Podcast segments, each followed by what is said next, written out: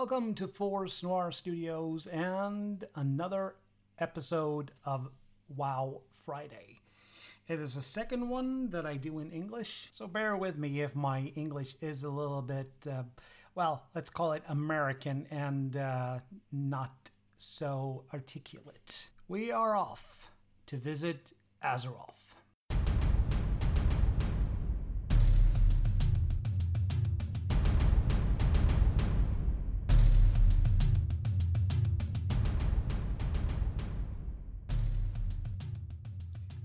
Friday is back.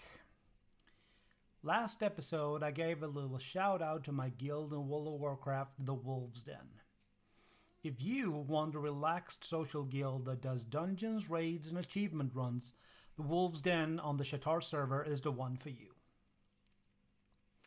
Last time we talked about the building blocks of the WoW universe, the different realms, and the origin of the Titans. All right, we are leaving for Azeroth. Aman'Thul and his siblings became known as the Pantheon. Aman'Thul, High Father of the Pantheon. Sargeras, Defender of the Pantheon. Aggramar, Lieutenant to the Great Sargeras. Eonar, the Lifebinder. Khaz'goroth, Shaper and Forger of Worlds. Norgannon, Keeper of Celestial Magics and Lore. Golganneth, Lord of the skies and roaring o- oceans. Pantheon became aware of the immense powers they had and made a pact to stay at a distance from the civilizations they met, including elemental spirits. They realized they needed order to find more of their kind. The first thing to do was to calm the elemental spirits. After this, Pantheon reformed the world they had come upon. They created mountains, seas, and heaven. Last, they created loads of life forms. This way, they hoped to wake up the planet's world soul, if it had one. Sadly, it turned out that most of the worlds did not have a world soul. Pantheon swore to protect the worlds they had shaped, even those without a world soul. Primitive creatures from the worlds that had been imbued with a small portion of the Pantheon's power helped them. They built colossal machines that let them watch over the planets and reset them if they noticed the world had fallen to disorder.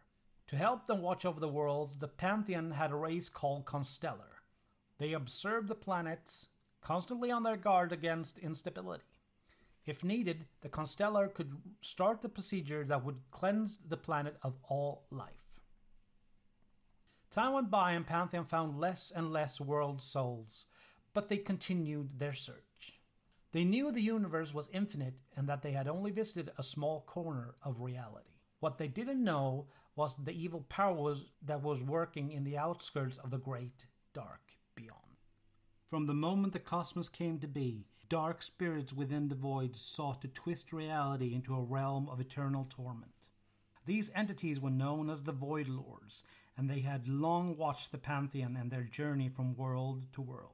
Envious of their power, the Void Lords sought to corrupt one of the world shaping titans into an instrument of their will. To reach their goal, the Void Lords fought to manifest in the physical universe. In their attempts, they let loose void energies in the physical universe, which came to affect the creatures. The Pantheon remained unaffected by the Void Lords' corruption. It ended with the Void Lords choosing to affect Titans in their most vulnerable state, before they had awakened. Void Lords had no knowledge of which planets that had a slumbering world soul. They summoned all their power and threw dark beings through the universe, hoping they would fall down on a planet with a world soul. Where the beings fell, they contaminated everyone and everything in their hunt for a world soul. These dark beings came to be known as Old Gods. Titans knew void energy existed in the universe, but had no knowledge of void lords or old gods. Pantheon put their entire focus on a new, more immediate threat demons. These destructive beings had been born from the twisting nether. Blinded by a hate against all living things, they wanted to destroy everything in the universe. Just like in the great dark beyond, life had came to be in the twisting nether. The creatures born in this turbulent realm were known as demons. They were a result of light and void energies that had collided at the border of the twisting nether. The demons embraced their violent passions and constantly tried to increase their powers, not caring about the consequences. Some of them used nether and some used fel energies. It didn't take long before these bloodthirsty creatures clawed their way into the physical universe and terrorized and destroyed entire worlds. The demons came in many different forms.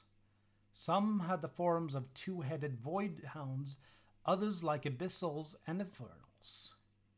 Among these were the Nathrezim, known in the common tongue as Dreadlords. They are smart, manipulative, and decided to master shadow energy. They loved to infiltrate civilizations and set nation against nation. While the civilizations fell, the Nathrezim corrupted the population and reshaped them into horrible demons. Annihilan, pit lords, took a more direct approach when they conquered the world. These monstrous butchers' only reason to exist was to torture creatures that they came upon. They often used other demons as cannon fodder when they annihilated the worlds of the great dark beyond. The Pantheon soon discovered that the demons had made attacks against the planets at the outskirts of reality. They sent their mightiest warrior, Sargeras, to fight the demons. They feared that the demons would interrupt their search of more world souls. Without hesitation, Sargeras set forth and swore not to rest until he had cleansed reality of the demons and their influence. Even among the extraordinary members of the Pantheon, Sargeras displayed unmatched courage and strength. These traits would suit him well for the harrowing task of hunting demons. Girded by his unshakable conviction, he launched himself into the great dark beyond. Sargeras was soon drawn to worlds inundated with erratic and volatile energies. In these places, the influence of the twisting nether had spilled into the physical universe, allowing vast numbers of demons to manifest. Sargeras traveled from world to world to save the inhabitants from the demons. He witnessed how his opponents turned worlds to ashes and turned the people into new demons. Sargeras started to feel completely helpless. Before setting out on his mission, he could never have dreamed about that such evil could exist. The demons had weaknesses. They were not organized and incompetent. Sargeras won easily over his opponents he grew aware of that his opponents had learned to use void energy. In learning this, he grew aware of another dark force that spread corruption through the cosmos. These creatures were the Void Lords. They were far more powerful than the demons. The presence of the Void Lords left Sargeras deeply troubled over what the Void Lords could mean for the great dark beyond. Still, he continued his war against the demons. He often looked upon the worlds the Pantheon had reforged. To see life bloom free from corruption and the demon's influence gave him a sense of satisfaction. His love for all life gave him new energy to keep fighting, and he confronted the Void Lords about their plans for creation. During this time, the demons multiplied their efforts and laid waste to even more worlds. In despair, Sargeras realized he had fought many of these demons before. After slaying them, the demons' souls had returned to the twisting nether, where they had been reborn to new bodies. The only way to kill them permanently was to kill them inside the twisting nether, or one of the areas of the great dark beyond that had been drowned in the energies of the twisting nether. At this moment in time, Sargeras was not aware of this. The only thing he knew was that his current tactic was not working. He had to find a way to lock the demons away. Concerned of how things unfolded and the demon's growing influence, the Pantheon sent Aggramar to help Sargeras. Aggramar was not as experienced as Sargeras, but he learned fast. They fought together for millennia. With Aggramar by his side and strong enough to fight on his own, Sargeras could study the twisting nether to find a way to imprison the demons. He still hadn't understood the vastness of the twisting nether, but he had learned how to manipulate and form some of its energies. He used this knowledge to create a prison in the twisting nether, named Mardum, the plane of banishment. It was a pocket dimension that nothing could escape from. The demon that was sent there could no longer be reborn. As the war raged on, the prisons started to fill up with the demons and their volatile energies. The energy soon grew so much that a rift was formed between the twisting nether and the great dark beyond. The rift could be seen as a remote burning star in the outskirts of the great dark beyond. Soon there was peace in the universe thanks to Sargeras and Aggramar.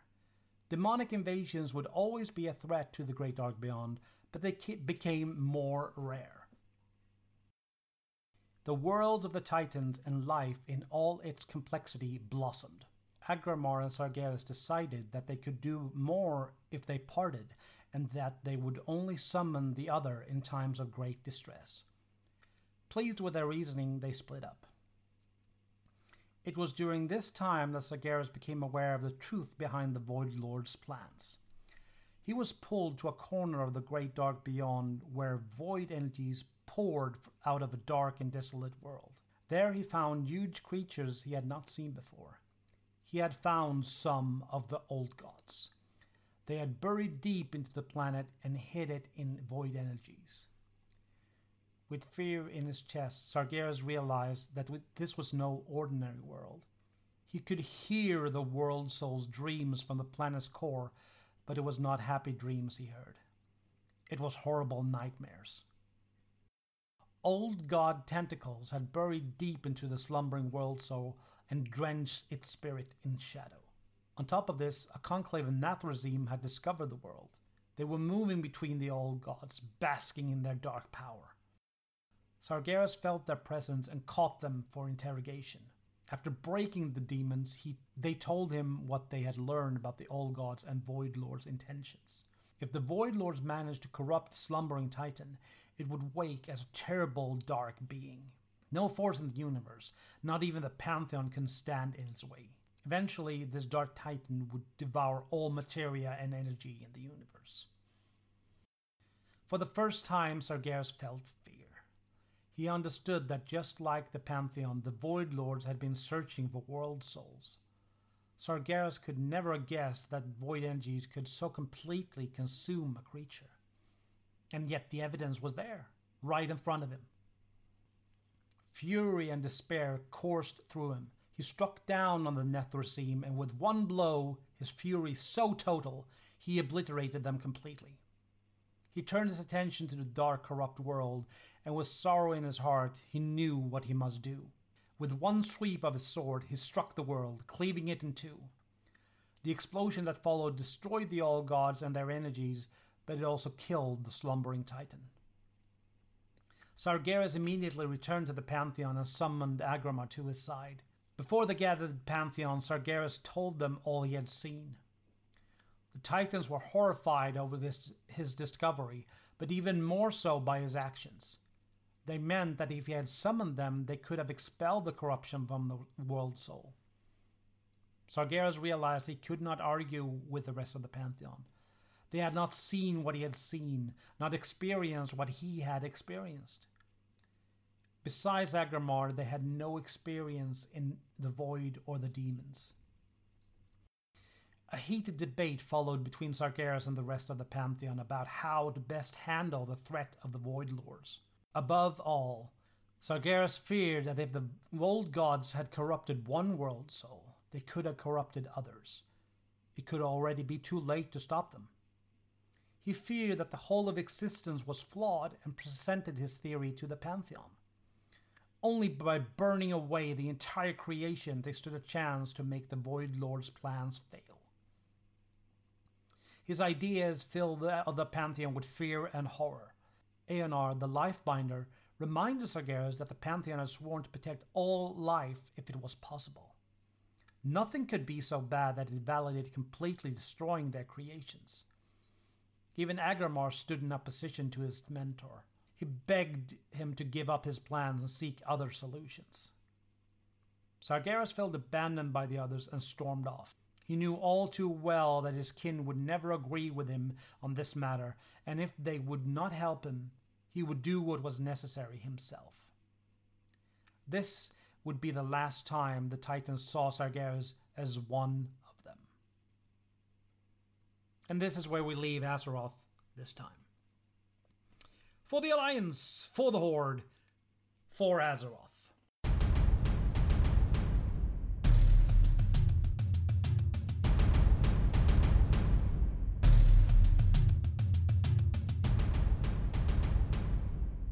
Thank you for listening to today's episode.